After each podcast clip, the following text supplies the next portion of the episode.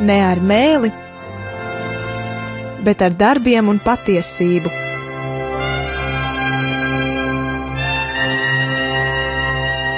Atvērsim svētos rakstus un studēsim kopā. Māca Jēkabs, Dieva un Kunga Jēzus Kristus kalps.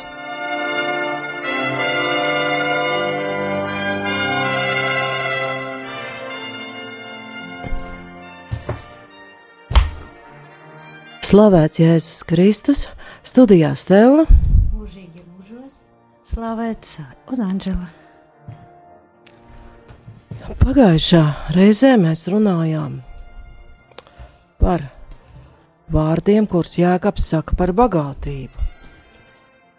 Un atradām, ka pati par sevi jau tā nav slikta, bet problēmas ir ar šo attieksmi pret bagātību, un izšķīrām šos divus momentus, kas var to mūsu turību padarīt kunga acīs nepatīkamu, pat riebīgu, ka vai nu mēs kļūstam par rausējiem, kas nav spējīgi dalīties, vai arī cilvēka bagātība ir iegūta sliktā ceļā, iznīcinot otru cilvēku, nesamaksājot viņam algu, vai arī pelnot uz tā rēķina, ka cilvēki tiek ievilkti kādos iznīcinošos netikumos. Šodien mēs lasīsim tālāk šo jēkaba vēstuli un pievērsīsimies jau pacietībai, un pacietība ir viens no gara augļiem, un mēģināsim saprast, ko jēkabs šeit ar pacietību ir domājis, vēl tur ir minēta arī šī kunga atnākšana, līdz tā kunga atnākšanai, kunga atnākšana ir tuvu, un arī šodien šie vārdi mums liekas tā, tādi it kā neparasti un paradoxāli. Kāda kunga atnākšana ir tuvu, mēs gaidām jau 2000 gadus, un kā nav, tā nav. Tad nedaudz pieskarsimies tam, kāda ir dieva laika skaitīšana, un ko mēs vēl varam atklāt par kunga atnākšanu, un nedaudz vēl ceru pieskarties arī tam, kas īsti ir pravietis un kāda cilvēkiem ir attieksme pret viņiem, un arī tiem atgādinājumiem, kur jēkabs citē, drīz vai precīzi, kunga kalna sprediķa atziņas par zvērstiem.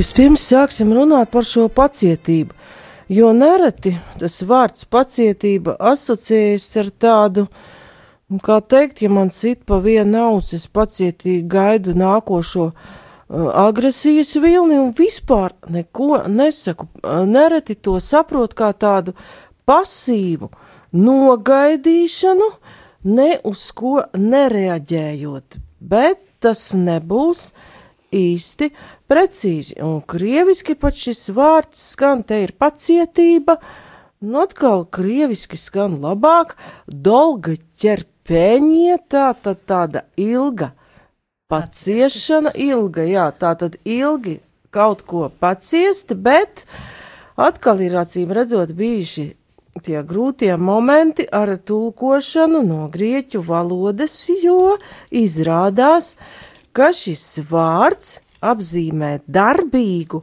veselīgu rīcību, nevis neaktīvu gaidīšanu, arī izturību. Tātad veselīgu reakciju, darbīgu veselīgu reakciju pret lietām un notikumiem, kurus mēs nevaram izmainīt uzreiz. Varbūt varam kaut ko izmainīt arī sabiedrībā un cilvēkos, bet tas tiešām prasa ilglaicīgu darbošanos, ilglaicīgu nostājas izturēšanu, pat kad liekas, kad nekas neizdodas, nekas labāk nepaliek. Un kā kāda protestantu sieviešu kalpotāja Džoisa Meijera ir sacījusi, pacietība ir spēja saglabāt pozitīvu attieksmi, gaidot, tātad uzņemt ar prieku pat šo gaidīšanas procesu, jo izrādās, ka pacietība ietilpst gara auglī. Un uh, apustulis Pāvils par to runā romiešu vēstulē. Romiešiem mīlestība tuvākajam ļaunu nedara. Tātad bauslības piepildījums ir mīlestība. To dariet, saprastami šo laiku, ka jums pienākusi stunda celties no miega, jo tagad mūsu pestīšana ir tuvāk nekā toreiz, kad kļuvām ticīgi. Nakts drīz būs pagājusi, diena ir tuvu, tāpēc noliksim tumsības darbus un terpsimies gaismas bruņās, dzīvosim cienīgi, kā diena to prasa, nevis dzīrēs un skurbumā, izvirtībā un izlēdībā, ķildās un naidā, bet lai jūsu bruņas ir Kungs Jēzus Kristus, un nelutiniet miesu, lai nekristu kārībās. Paldies!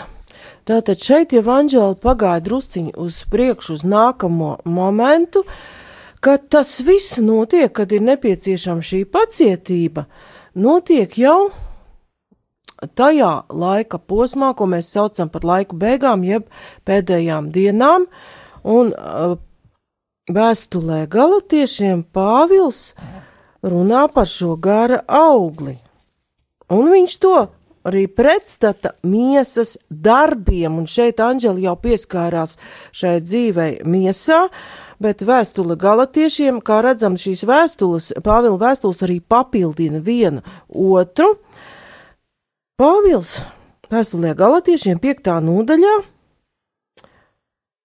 no 19. panta raksta šādi: Bet zināmi ir miesas darbi, tie ir netiklība, nešķīstība, izlaidība, elku kalpība, buršana, ienaidz, strīda, nenovīdība, dusmas, ķildes, šķelšanās, ķecerība, skaudība, dzēršana, dzīrošana un tam līdzīgas lietas, par kurām es iepriekš saku, kā jau esmu senāk sacījis. Tie kas tādas lietas dara, nemantos dieva valstību, bet gara auglis ir mīlestība, prieks, miers, pacietība, laipnība, labprātība, uzticamība, lēnprātība, atturība. Tātad arī šeit, vēstulē galatiešiem, mēs redzam šo dzīvesveidu, un te varam saprast tās pacietības citu aspektu, jo cilvēkam dažkārt var rasties šis vilinājums vai kārdinājums, ka tāds uh, dzīvesveids varētu likties pat neinteresants, garlaicīgs, jo pasaule daudz ko piedāvā, sliktu piedāvā pat ļoti labi reklamējot un ļoti labi iesaiņojot. Var cilvēkam rasties interese pamēģināt, nu kā tad dzīvot tajā pasaulē un padoties šim vilinājumam, jo Bībeles teksts runā par šo kārdinājumu un vilinājumu un miesas darbiem ļoti, ļoti plašā spektrā. Pie tiem pieder arī šī uh, vēlme iegūt arvien vairāk mantas vai arvien vairāk zināšanu vai īpašumu, Un uh, attiecībā uz miesas nelutināšanu tur nav domāts, ka mums vajag staigāt netīriem un bez mazgāšanās, bet ievērot tomēr šo mērenību, vai tas ir man un man, kā cilvēkam, kas ir dieva templis, vai manai veselībai tas ir derīgi, vai tas ir manis kā dieva attēla cienīgi. Un ko runā mums par to vecā derība? Uh, tad atkārtota likuma grāmata. Ja jūs apzinīgi klausīsiet maniem baušļiem, ko es jums šodien pavēlu, un jūs mīlēsiet to kungu savu dievu un kalposiet viņam ar visu savu sirdi un ar visu savu dvēseli, tad viņš jūsu zemē dos lietu īstā laikā, gan agro lietu, gan vēlo lietu, kā tu spētu ievākt savu labību, savu svaigā vīna sulu un savu eļu, un viņš dos taviem lopiem barību tavos laukos, un kā tu ēdīsi un būsi paēdis. Paldies! Un šeit ir uh, vecajā derībā runa par šo ražu. Un izrādās, ka arī Jēkabs par to pacietību runājot, piemin tieši zemkopību un gaidīšanu uz ražu. Zemkopis gaida dārgo zemes augli. Pēc teikts auglis, lai pat mēs labāk saprastu pacietības un izturības saikni ar to gara augli. Dārgo zemes augli pacietīgi uz to cerēdams, līdz tas dabū agro un vēlo lietu. Tā tad ar to apustulis Jēkabs ir pateicis, ka arī šajā garīgajā dzīvē, dzīvē ar Dievu, arī tajos notikumos, kas notiek pasaulē, un kur mums gribētos nepacietīgi un ātri visu atrisināt, viss tāpat nobriest un ienākas Notikumi gan pasaulē, gan mūsu dzīvē nobriest un ienākas saskaņā ar šiem dieva noteiktajiem likumiem, tāpat kā šī raža, kura attiecīgā laikā ne ātrāk un ne vēlāk ienāks un nobriest un ir novācama. Un vēl vecā derība runā tieši par to, ka nu, nevar paciest cilvēks kaut kādas ciešanas vai vēl kaut ko, un tad Dievs saka šai tautai, ja ir ietiepīga un nepakļāvīga sirds. Tie ir atkrituši un aizgājuši. Tie nekad nav savā sirdī domājuši, bīsimies to kungu, mūsu dievu, kas mums dod lietu, agro un vēlo, katru savā laika, kas ļauj ieturēt mums par svētību noliktās pļaujas laika nedēļas. Paldies! Un šeit ir gan runa par tiem, kas ir aizgājuši no dieva, bet te varam saskatīt arī to, pie kā var novest tā nepacietība, kā arī tās garīgās ražas nebūs.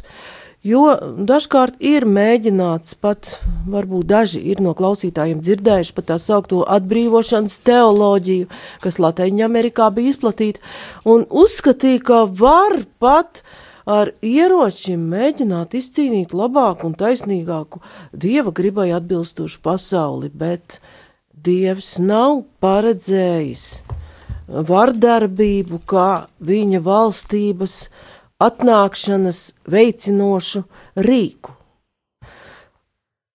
Tātad atkal ir šis salīdzinājums ar ražu, un ko tad īsti dara šī, šī pacietība un kas no viņas attīstās vēstulē romiešiem. 5. nodaļa no 3. līdz 5. pantam mēs varam lasīt.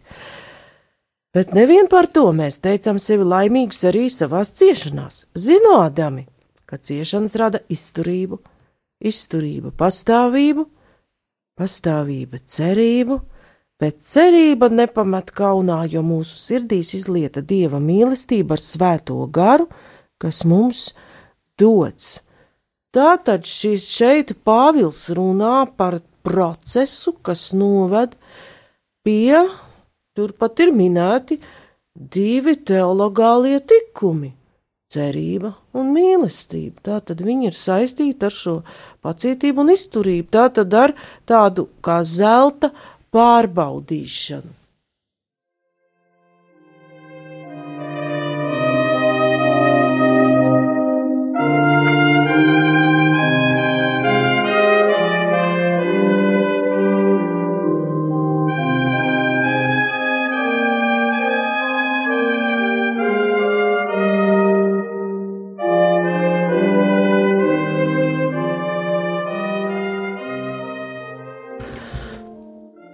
Te jau ir runa par tiem pēdējiem laikiem, ko es jau minēju. Mēs nevaram īsti saprast, kāpēc visu laiku ir runa par pēdējiem laikiem, bet nekas kā nav tā nav. Bet atcaucoties uz psalmiem, otrā pētera vēstulē, trešā nodaļa, astotā pantā, ir šis mums ļoti labi zināmais teikums, ka dievam tūkstoši gadi ir kā viena diena, nu tad tikai divas dienas ir pagājušas pēdējos laikus gaidot. Un arī tur tas ir tikai tekstā tāds ļoti aptuvens salīdzinājums, lai mēs varētu kaut nedaudz tuvoties tam, kāda īsti ir dieva skaitīšanas, laika skaitīšana, jo atklāsmes grāmatā ir par to pateikts tuvāk, un laika vairs nebūs, kur arī ir dažādi šie skaidrojumi, bet tur pat lielākā daļa eksiģētu saka, un arī dažādi skaidrojumi var nebūt pretrunā ar viens ar otru, ka viens no tiem ir, kad nepastāvēs vispār šis chronoloģiskais laiks, pie kura mēs esam ļoti pieraduši - gadi, minūtes, stundas un tā tālāk. Viņa nebūs, Dievam ir šī mūžīgā tagadne, un tā tad Jēkabs aicina būt pacietīgiem dzīvojot, it kā šajā Dieva mūžīgajā tagadnē. Tas ir dzīvot katru brīdi šeit un tagad, nepievēršot ļoti lielu uzmanību tam, kad es jau tik ilgu laiku esmu pacietīgs, lūdzu kādu lietu, kalpoju un nekas nenotiek. Un arī apustulis Pāvils runā vēstulē ebrejiem tā. Turēsimies nešaubīgi pie cerības apliecināšanas, jo uzticams ir tas, kas apsolījis, un vērosim citu citu, lai paskubinātu uz mīlestību un labiem darbiem, neatstādami savas sapulces, kā daži paraduši, bet citu citu paskubinādami un jo vairāk redzot tuvojamies to dienu. Jo ja mēs pēc patiesības atziņas saņemšanas tīši grēkojam, tad neatliek vairs upuris par grēkiem, bet gan briesmīga tiesas gaidīšana un uguns karstums, kas aprīs prieti, pretiniekus. Paldies! Tātad ar šo pacietību arī ir domāts tas, ka palikt uzticīgam šim kristīgajam dzīvesveidam, palikt patstāvīgam, lūkšanā, neiesaistīties tajās lietās, kas tiek darītas pasaulē, un arī nepiekrist tomēr netaisnībai. Visvairāk darīt tos, ko Jēzus aicina Mateja evaņģēlī 25. nodaļā, kas arī prasa pastāvību, pacietību un izturību, apģērbt to pliko, iet, iet pie tā cilvēka, kas ir cietumā, rūpēties par to, kam nav, jo nevienmēr tas cilvēks, par kuru tu rūpējies un kuram palīdz, nevienmēr viņš teiks paldies, viņš reizēm būs pat ļoti neapmierināts un bezkaunīgs un būs tāds ilgstošs. Un arī šo aspektu mēs varam redzēt apustuļu jēkam aicinājumā pieņemt viņu ilgstoši un pacietīgi, kā Dievs viņu ir tādu pieņēmis un ar mūsu starpniecību vēlas viņu tuvināt sev. Un ko mēs vēl varam saprast ar šo kunga dienu? Tas ir jautājums, kas ļoti daudzus nomok, un tajos laikos, kad rakstīta Jēkaba vēstuli, kristieši gaidīja ļoti ātru kunga atnākšanu, bet, kā jau teicu, kā nav tā nav, bet vai tā ir, kad ir visu laiku vēsture notikusi ar vienu it kā attālinoties no kunga, Par to ir daudz domājis pāvests Benedikts 16.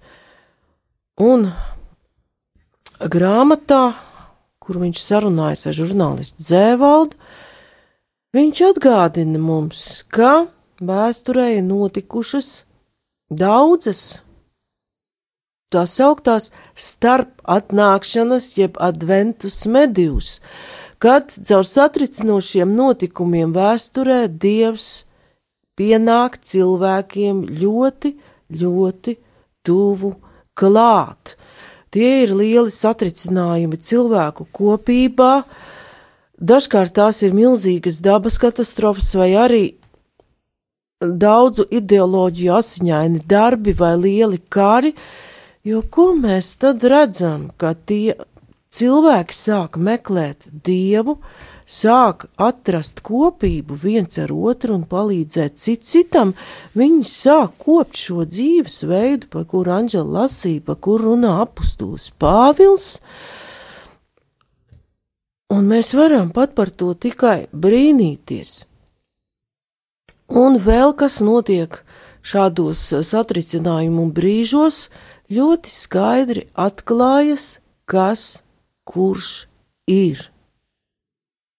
Vēl nesenā pagātnē arī Latvijā mēs varam atcerēties Zolitūdas traģēdiju, arī tur ļoti ātri parādījās, kas kurš ir.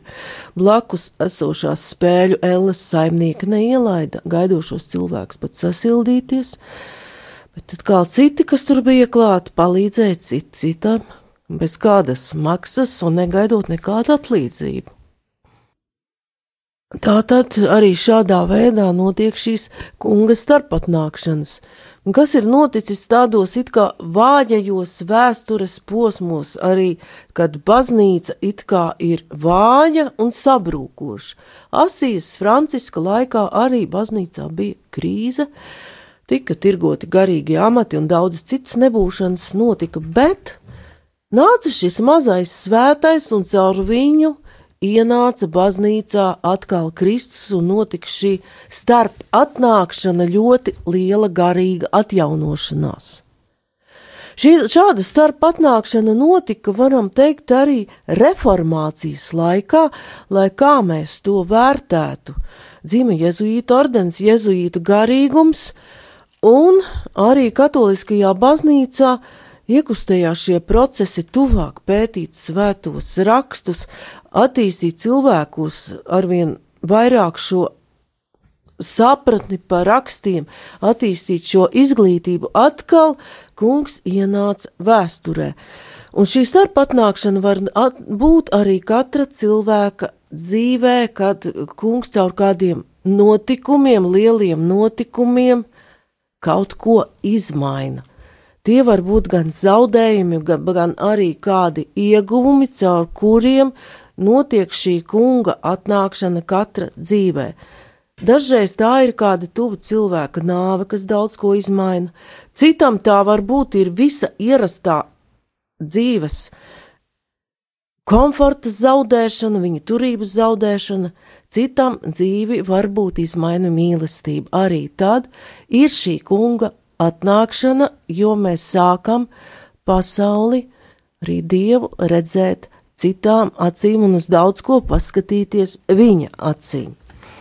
Un, un arī tad... Anģela kaut ko vēl vēlējās piebilst. turpinu, turpinu, ka arī tad kungs arī aicina mūs ne, netiesājiet, lai jūs netopat tiesāti, jo ar kādu tiesu jūs tiesājat, ar tādu jūs tapsiet tiesāti, un ar kādu mēru jūs mērojat, ar tādu jums taps atmērots. Bet ko tu redzi skabargu savā brāļa acī, bet baļķi savā acī neieraugi? Jeb kā tu vari sacīt uz savu brāli, laid es izvilkšu skabargu no tavas acis un redzi baļķis tavā pašā acī. Paldies! Un šeit Anžela jau tieši komentē ar svēto rakstu vārdiem no Mateja evaņģēlija, no Kalna sprediķa, Jēkaba vārdus par e, šo nopūšanos citam uz citu. 9. E, pantā, 5. nodaļā Jēkabs raksta: Nenopūtieties, brāļi, cits pret citu, ka netiekat tiesāti. Redzi, soģis stāv durvju priekšā. Tātad Dievs ir tas, kas izšķirs, jo mums nav pat tās pilnīgās apredzības izšķirt, kāpēc cilvēks ir rīkojies tā vai tā, vai tiešām viņa nodoms ir bijis slikts. Un Jēkabs tur runā tieši par tādu rūkšanu un kurnēšanu citam uz citu pašu kristiešu starpā, jo šī tieksme mūsos rodas ļoti ātri, uh, un viņu savaldīt arī tas prasa izturību un pacietību, lai tiešām uzticētu visas lietas kunga apredzībai. Ļoti daudzas reizes mēs varam piedzīvot, kad esam nodevuši jau kaut vai sirdī un domās ātru spriedumu par savu līdzcilvēku, bet atklājas, ka viņš ir pavisam citāds, un arī viņa rīcības, kuru varbūt esam notiesājuši, motīvi ir pilnīgi citi nekā mēs esam domājuši.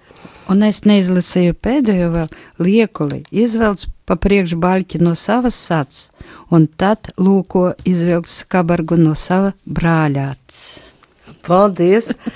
Tā kā šis vārds ir paslēpts pateiz īsā jēkaba teikuma, un tālāk viņš uh, aicina panest ļaunumu praviešu garā un ījaba garā. Un kas tad bija ar ījabu? Viņš visu zaudēja, tika pārbaudīta šī viņa uzticība dievam, un mēs varam atcerēties, ka dieva plāns bija pat ļoti nesaprotams un apbrīnojams. Ījabs atguva visu, ko zaudējis, daudz lielākā mērā, ka viņam atgriezās arī viss šī bagātība, bērnu pulks, un vēl viņš bija iemantojis daudz dziļāku izpratni par dievu un dziļas attiecības ar dievu. Un kāpēc Jēkabs runā par tiem praviešiem? No praviešiem mēs varam mācīties šo uzticību kunga vārdam, viņa likumam un praviešiem pret netaisnību, un ka tiek pārkāpts kunga likums, nebija bezobaina attieksme un nebija bailīga attieksme. Kāpēc uh, Jēkabs tā saka? Panešanai un pacietībai ņemiet brāļi par paraugu praviešus, kas runājuši kunga vārdā. Šeit varam minēt arī pravieti Jeremiju. Pravietis Jeremijs Mums, diemžēl, nav laika pat lasīt 11. nodaļu, 19. pantu vai 38. nodaļu un 4. pantu. Jeremijs par to, ka viņš atgādināja tautai un arī tās garīgiem vadoņiem par kunga likumu, kas netika pildīts. Vai Jeremijam kāds teica, paldies, ka tu mums atgādini? Nē, Jeremijs tika vajāts, Viņu iemeta tukšā ūdenstvertnē, viņa dzīvība tika apdraudēta, pret viņu rīkoja sazvērestības. Bet viņš pacietīgi turpināja sludināt un dzīvot pēc kunga likuma. Mums liekas, ka tas Jeremijs tas ir ļoti sen, un toreiz tas tā bija. Bet tas ir bijis arī nesen. Šeit varam atcerēties kaut vai bīskapu Sloskānu, kas pacietīgi turpināja ar savu dzīvi un darbu sludināt kunga vārdu un atgādināt par viņa likumu tiem, kas vērsās pret kunga likumu. Ja varētu izlasīt arī pa iebu, kurš pazaudēja visu, un uh, savās ciešanās viņš sacīja, kails es esmu nācis no savas mātes klēpja, un kails es atkal aiziešu Tas kungs bija devis, tas kungs ir ņēmis. Tā kunga vārds, lai ir slavēts. Paldies! Nu, kā tagad mēs varam pārdomāt to vārdu, ko kungs mums šodien ir devis, un nākamajā reizē jau mēs pabeigsim šo raidījumu ciklu par Jēkaba vēstuli.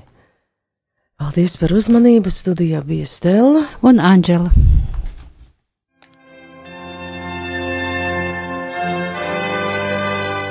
Izskanēja raidījums. Ne ar mēli, bet ar darbiem un patiesību